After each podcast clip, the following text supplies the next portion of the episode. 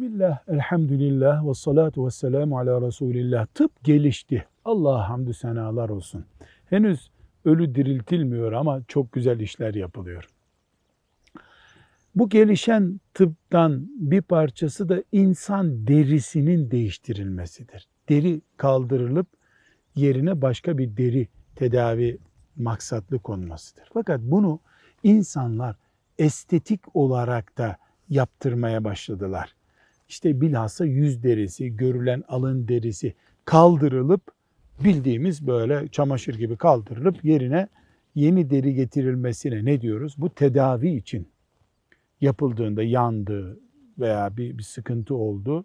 Ee, Allah'a hamdü senalar olsun çok büyük nimet bundan istifade edelim deriz. Ama Allah'ın yarattığı şekli bozmak için deriyi kaldırıp yeni deri koymaya kalkmak yaratmayı değiştirmektir. Bu caiz değil.